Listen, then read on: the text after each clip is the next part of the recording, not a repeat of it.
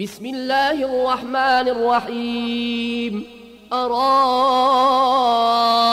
الذي يكذب بالدين فذلك الذي يدع اليتيم